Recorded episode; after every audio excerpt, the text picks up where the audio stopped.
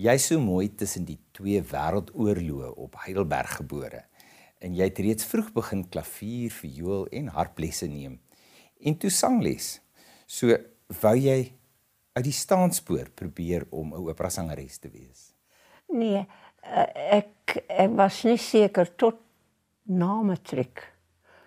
Ek het eintlik na matriek 1 jaar by die huis gebly om te besluit of ek gaan musiek as 'n loopbaan, lewensloopbaan of medies. Want ek was baie geïnteresseerd in beide. En dit was Esther Mens my sangonderwyser is. Wat vir my gesê het, my liewe kind, daar is so baie mense wat kan goeie dokters wees. En sy sê daar is nie so baie mense wat jou stem het gaan nou en doen nou die ding wat wat jy voor eintlik meer geskik is. Nou ja, toe toe het ek besluit ja, alright, dit gaan musiek wees en ek ek was nooit jammer nie.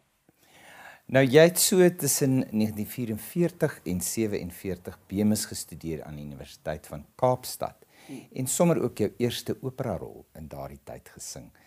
Dit sou interessant wees om iets te hoor oor jou studentejare in Kaapstad toe ek begin het daarso by die College of Music, toe was daar 'n vakante pos vir die direkteur.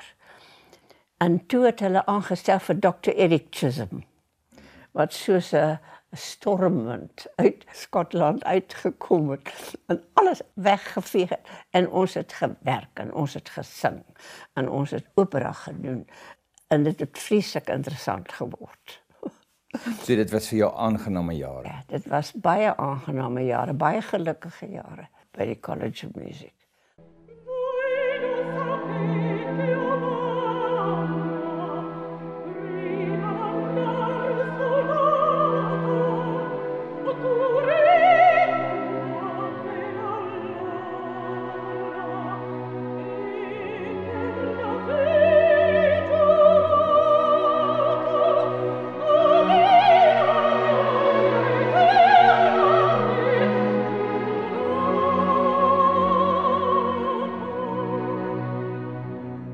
En natuurlik toe ek besluit saam met drie ander van die studente daar dat as ons klaar is gaan ons oor Engeland toe want dit was net na die oorlog. En ek het daar gegaan na die London Opera Studio wat ook net pas gestig was deur Joan Cross wat die groot Engelse sopran op daai tyd was en 'n groot vriend van Benjamin Britten. Ek het 4 jaar daar studeer so 'n soliede agtergrond van net almal professionele mense. En ons het baie operas gedoen en, daarna was ek 'n lid van die English Opera Group in die The Turn of the Screw die overall. Hoe was dit vir jou om sulke moderne musiek te leer? Ek is baie lief vir Britain omdat ek eh, ek ken die musiek baie goed. Ek was deel van die geselskap vir 'n rugby. Maar ek was nie tevrede met die stem nie ek het begin moeilikhede optel. Ek besluit ek is nie by die regte leermeester nie. Sy was van die Weense skool. Sy wou hê ek moet klink so swartkop. En ek het nie swartkop se stem gehad nie. Dit het nie gewerk nie. Ja. En op die ou end het dit vir ander mense, twee ander mense probeer daar onder onder andere Roy Henderson wat Kathleen Ferrier se onderwyser was. Hy het ook nie geweet hoe my te help nie. En gelukkig het Noreen Berry vir my gesê I have found an Italian teacher. Nou ja, toe. Hy was by die Guildhall waar hy net Italiaanse opera gecoach het, maar hy het nie sang gegee nie. En na twee lesse het ek geweet o, dit is wat ek soek. Aha en dit was dis dit is die regte ding. Dit het vir my alles sin gemaak dit het, het vir my gevoel ek het begin voel asof my stem bevry is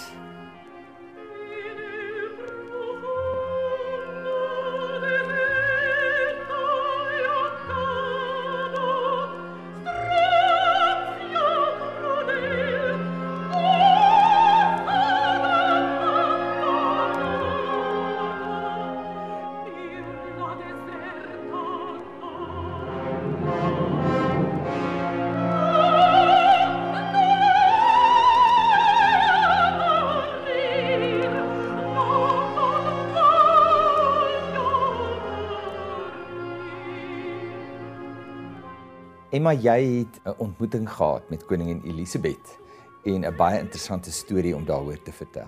Al die mense van die van die van die kolonies wat in die musiekwêreld was, kon voorstel om te sing in die koor van die bekroningsplegtigheid. En ek was een van die wat Suid-Afrika aanbeveel het en Cecilia Wessels wat ons groot prima donna was. Wonderful voice. Daar was 8 mense van elke kolonie. Cecilia en ek het gegaan na die jy moes gaan na elke repetisie. Daar was 'n boekie met met seels. En elke seel moes moes daar gewees het. Die seels gekry vir elke repetisie.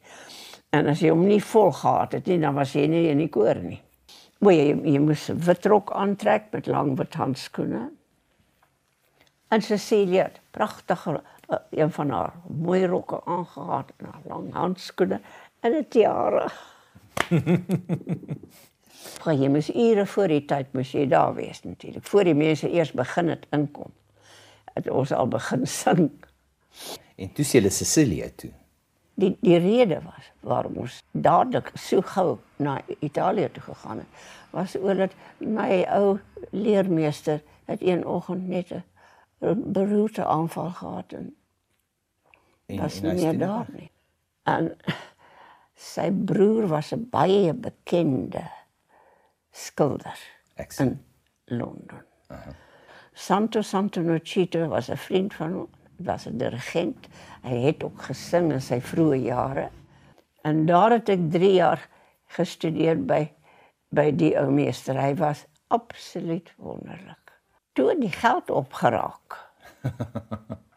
Terug want in Engeland kon ek sing, ek professioneel sing en Natuurlijk, het, het, het, het, het, het, het, en al die messiasse wat 'n mens gesing het vir Paastyd en vir vir Kerstyd.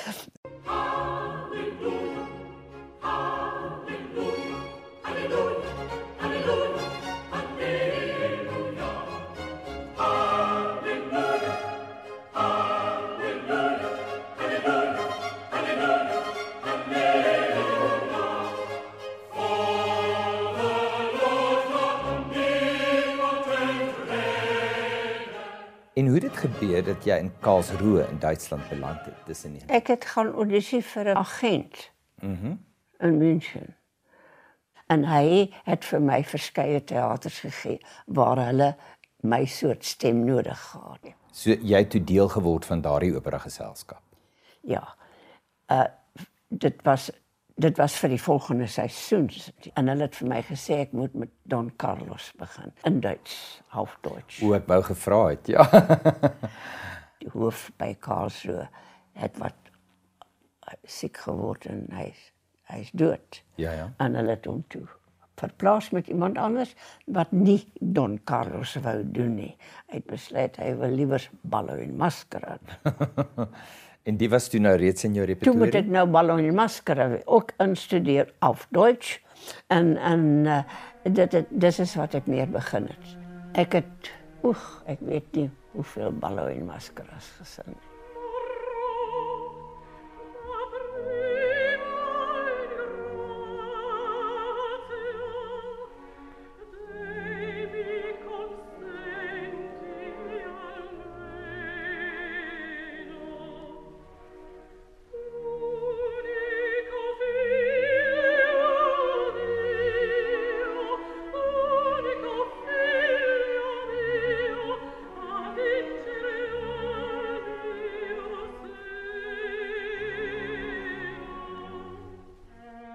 Omdat ik daar die Ballo en Maskara in Karlsruhe gesing het. Ja.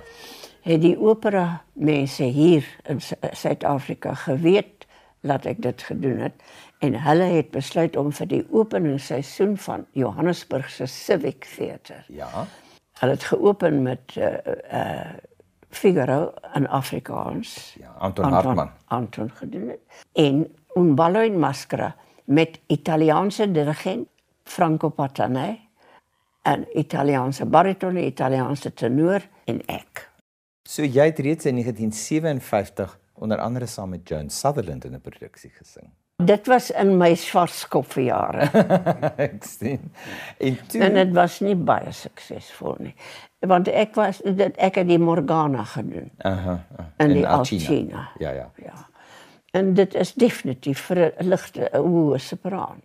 En dit was nie my vokaliteit nie. Met die daarstelling van die uitvoerende kunsterade in Suid-Afrika is Emma genader. Die eerste seisoen was in 63. Uh -huh.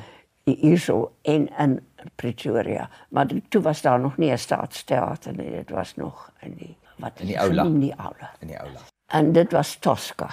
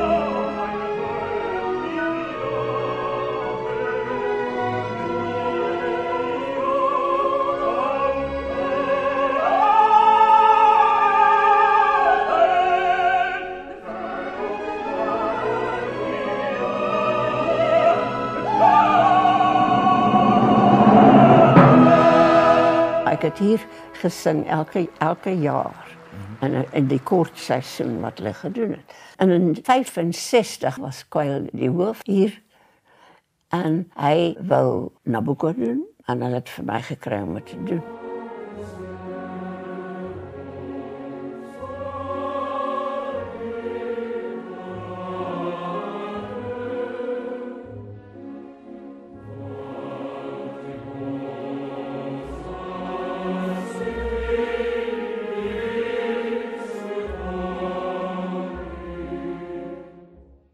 En die Nabucco was so suksesvol hier dat hulle dit weer gedoen het in 66. En dit was daai seisoen wat ek hier was om weer te sing. Daai keer het hulle so baie uitvoerings gedoen het dat ek die rol gedeel het met met Joyce Parker. En toe het Elena Soliotti siek geword en jy het toe ingestaan vir haar in La Scala. Sy het 'n bietjie te veel geparty die 31ste Desember. Aha. En Elena het opgestaan sonder stem. Ek onthou daai oggend het ek gaan stap in Monsa Park. En toe by die huis kom toe lei die foon. En toe sê hulle vir my, "Rensie, tu canti questa." Questo. Ah? Aha. Wat? Ja, vanmiddag. Oeh. Maar toe het jy daarom al die bewegings in die inscenering geken. O ja, ek, ja. was die inscenering ek ek was daar op vir al die uh, ek, ek het repetisies gehad. Ook gesing. Ek ja. Sê, ja. Ek wil so graag ietsie vra oor die klak. Ehm um, as jy vir ons dalk iets kan vertel en as jy ooit 'n slagoffer was van hierdie rampokkers. Dis kenners wat omtrent in elke uitvoering daar is, daar bo agter. Aha en hulle het 'n capo klok ja. wat die hoof is en uh, hulle kom na jou kleedkamer toe voor die tyd en sê sal jy soveel gee vir die klok. Okay. En help jouself. kan jy as jy nie vir hulle gee nie, dit jy hoef nie vreeslik baie te gee nie, so. Ja.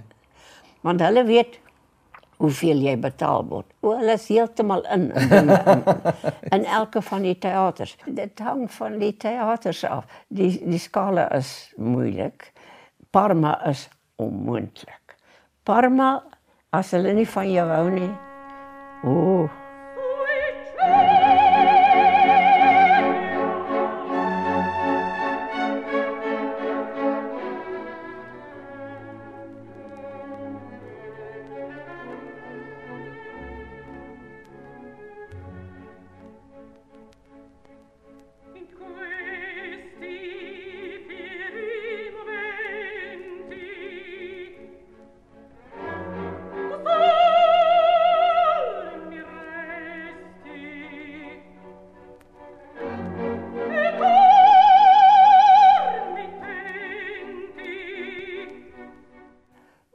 alles het gesê sy sal nooit weer daar sing nie.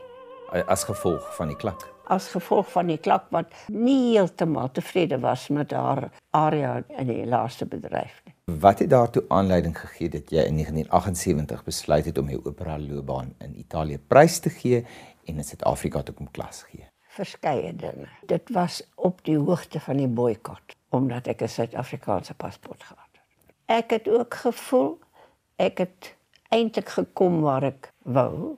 My ouers was oud. Anton het vir my geskryf en sê hy wil 'n opera skool stig by Wits. Ja. En sal ek nie kom om die klas alwaar te neem nie. Die drie dinge saamgesit. Het ek net gevoel is baie beter om daar op te hou in die Arena Verona wat ek wat wat die my laaste uitvoerings was op 'n hoogtepunt. En jou loopbaan as sangpedagoog, hoe was dit toe nou van daar af? Ek het begin eintlik as hoof van die opera opligting. Ja, ek onthou dit want ek was self daar.